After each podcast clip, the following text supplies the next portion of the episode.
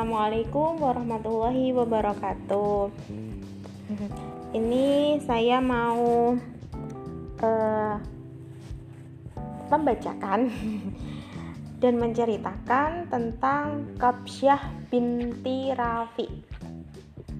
Itu judulnya ya, Kapsyah binti Rafi. Anaknya mati syahid hingga arsy ar-Rahman terguncang karenanya. Masya Allah.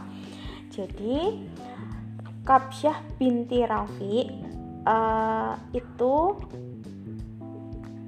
ibunya si Sa'ad bin Mu'az. Uh, si Sa'ad bin Abi Mu'az itu adalah panji kaum Ansor saat perang Badar. Nah uh, saat meninggal dunia si Sa'ad uh, si Sa'ad itu uh, arsy ar-Rahman terguncang Bahkan Allah tersenyum padanya dan jenazahnya diantar oleh 70 ribu malaikat. Masya Allah. Istri Kapsyah binti Rafi ini bernama Mu'az Mu'az bin Nu'man. Nah, Kapsyah ini punya punya enam anak. Yang pertama Sa'ad bin Abi Mu'az, Amr bin Abi bin Mu'az, Iyas, Aus, Akrob, dan Ummu Hazam. Nah, eh, keislaman si Sa'ad bin Abi Mu'az ini berpengaruh eh, dengan keislamannya si ibu ibunya si Kapsyah tadi. Jadi eh, dikisahkan sahabat Rasulullah yang bernama Asad bin Zuroroh dan Mus'ab bin Umar itu mendatangi uh, sebuah perkampungan yang bernama Bani Asyal dan Bani Zafar. Nah, pada saat itu Bani Asyal kaum Bani Asyal itu pemimpinnya si Sa'ad bin Mu'az dan Usaid bin Hudair ketika saat itu belum masuk Islam. Nah, ketika Asad bin Zuroroh dan Mus'ab bin Umar ini datang ke perkampungan Bani Asyal dan Bani Zafar ini, si saat itu meminta Usaid untuk menemuinya karena kan saat itu masih masih menjadi uh, apa namanya lawannya kayak gitu ya. Nah setelah itu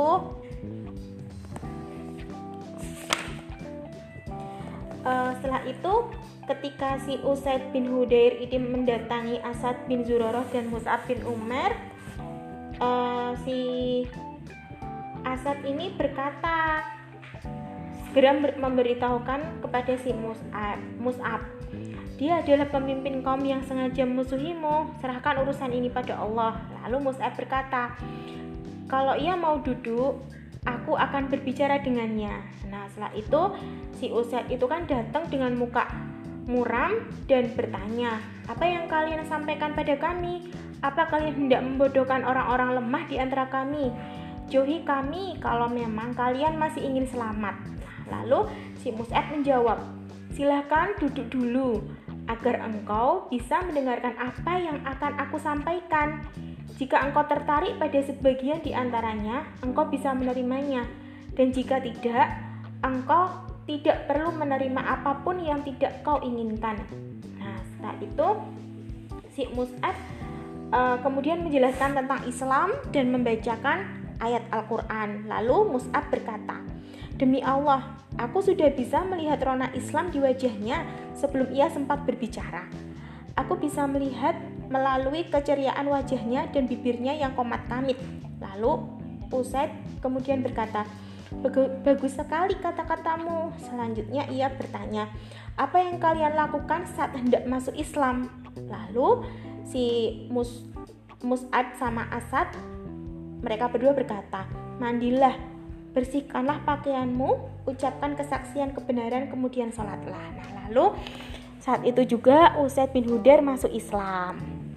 Nah, setelah masuk Islam, si siapa Usaid ini langsung laporan kepada si Sa'ad bahwa dia sudah menemui Asad dan Mus'ab lalu dia menjelaskan juga bahwa ketika uh, itu dia masuk Islam. Nah, setelah itu si Sa'ad pun marah si saat marah lalu saat menemui si uh, Asad dan Mus'ab dengan sendiri kan kalau tadi kan minta tolong si Usaid ya nah setelah itu sama seperti jawaban uh, Mus'ab bin Umar dengan si Usaid diminta untuk duduk terus uh, dijelaskan tentang Islam dan dibacakanlah Al-Qur'an. Seketika itu si saat uh, bin Mu'ad langsung masuk Islam. Nah, masuknya keislaman saat bin Abi saat bin Mu'az ini uh, berpengaruh besar dengan perkampungan Bani Asyal dan Bani Zafar. Lalu ke perkampungan itu keduanya masuk Islam. Nah, tak terkecuali dengan ibunya si Kabsyah binti Rafi ini juga masuk Islam. Masya Allah. Jadi uh, kalau di buku ini dijelaskan bahwa uh, apa namanya dakwahnya si Mus'ab bin Umar ini luar biasa.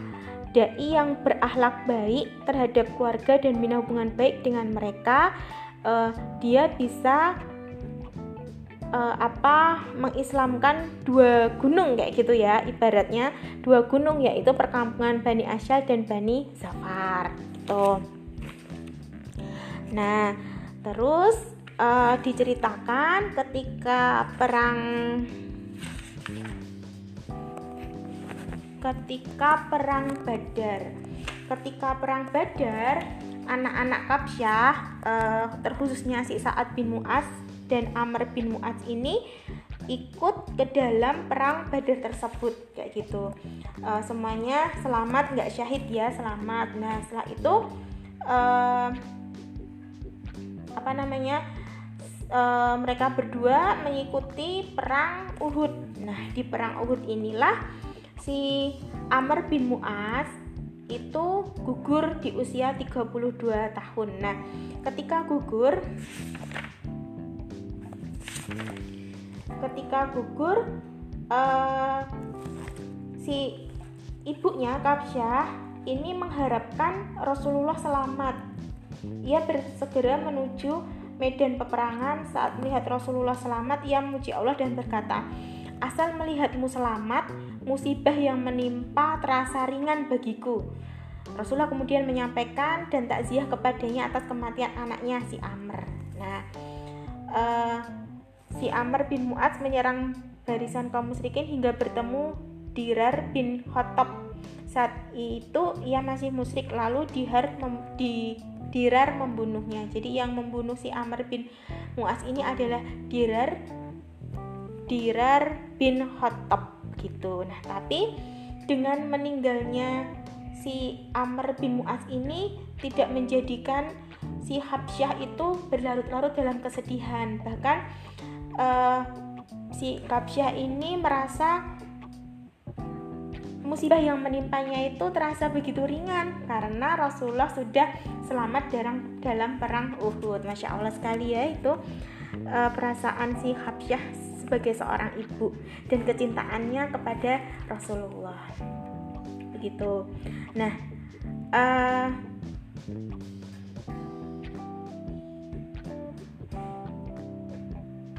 si uh, Rasulullah juga mendoakan kepada korban perang Uhud salah satunya si Amr bin Mu'ad tadi. Doanya seperti ini dia berdoa kepada Ummu Sa'ad kepada si Habsyah ibunya si Sa'ad. Wahai Ummu Sa'ad bergembiralah dan sampaikanlah kabar gembira kepada keluarga mereka para korban perang Uhud bahwa korban mereka berdampingan di surga dan mereka memberi syafaat pada keluarga mereka semuanya. Masya Allah. Lalu uh, Rasulullah juga mendoakan para keluarga yang ditinggalkan. Ya Allah, hilangkan kesedihan di hati mereka. Gantikan yang hilang karena musibah dan berilah keluarga yang ditinggalkan pengganti yang baik. Masya Allah. Itu saat perang uh, Uhud gitu ya. Nah, setelah itu uh, si siapa namanya?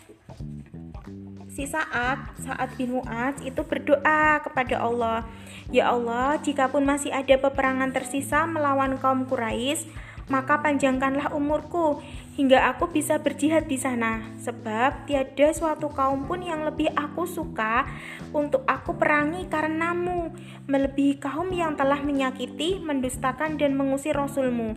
Ya Allah, jika engkau telah mengakhiri peperangan antara kami dengan mereka, maka takdirkanlah kematianku dalam perang ini dan janganlah engkau matikan aku hingga aku merasa lega terhadap Bani Quraisy. Nah, ini si saat bin bin Mu'ad Mu'ad ini dia berdoa ini dalam perang Khandaq begitu.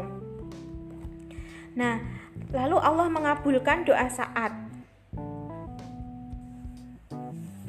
saat uh, apa setelah uh, perintah ilahi turun untuk bergerak menuju Bani Quraizah setelah mereka melanggar perjanjian dengan Rasulullah dalam perang Hondak. Nah, langsung Rasulullah ini bergerak ke arah mereka dan melancarkan pengepungan selama 25 malam. Saat pengepungan kian ketat, dikatakan kepada mereka, "Patuhilah keputusan Rasulullah." Mereka kemudian meminta pendapat Abu Lubabah bin Abdul Munzir Abu Lubabah mengisyaratkan kepada mereka, jika mereka mati putusan Rasulullah, mereka akan disembelih. Mereka berkata, kami akan mematuhi putusan Sa'ad bin Mu'ad. Rasulullah kemudian mengirim putusan untuk memanggil Sa'ad bin Mu'ad. Lalu Sa'ad bin Mu'ad itu eh, apa datang di tengah-tengah peperangan itu menaiki kuda kuda Pak Unta ya? Oh, keledai, maaf. menaiki keledainya.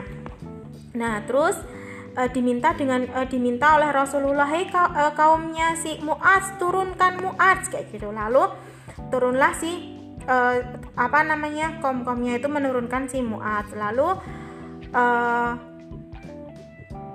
apa Muaz berkata, eh, Rasulullah memerintahkan, "Jatuhkan putusan terkait mereka." Saat berkata, "Putusanku terhadap Yahudi Bani Quraizah adalah kaum lelaki dihukum mati, kaum wanita dan anak-anak ditawan, dan harta benda milik mereka dibagi-bagikan kepada kaum muslimin.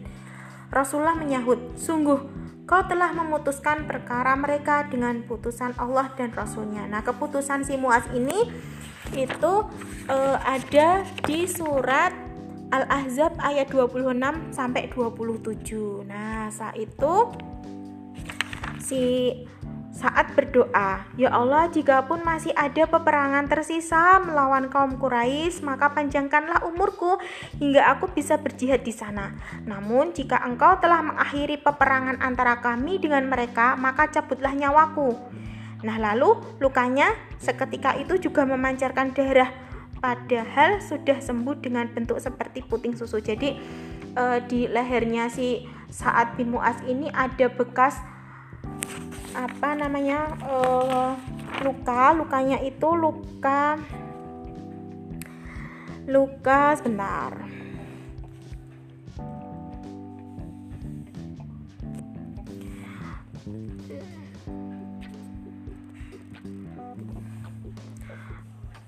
Luka tombak apa ya? Sebentar sebentar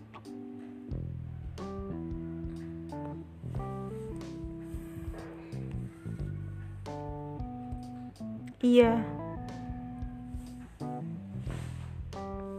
Oh, kena panah. Jadi uh, diriwayatkan dari Mahmud bin Labid ia berkata ketika urat leher saat terkena panah lalu lukanya kian parah mereka membawanya ke wanita bernama Rufaidah uh, jadi yang biasa untuk mengobatinya kayak gitu nah jadi lukanya itu kena uh, panah nah ketika uh, lukanya kena panah ini si Umar Umar dan Abu Bakar ini tuh sedih banget. Bahkan Rasulullah itu sebelum sebelumnya belum pernah melihat uh, Umar itu menangis kayak gitu. Menangis sesedih sesedih saat-saat terkena uh, panah kayak gitu. Nah setelah itu uh, ibunya Rasulullah dan Umar dan Abu Bakar itu sempat berikhtiar untuk menyembuhkan lukanya si saat itu. Tapi kodarullah uh,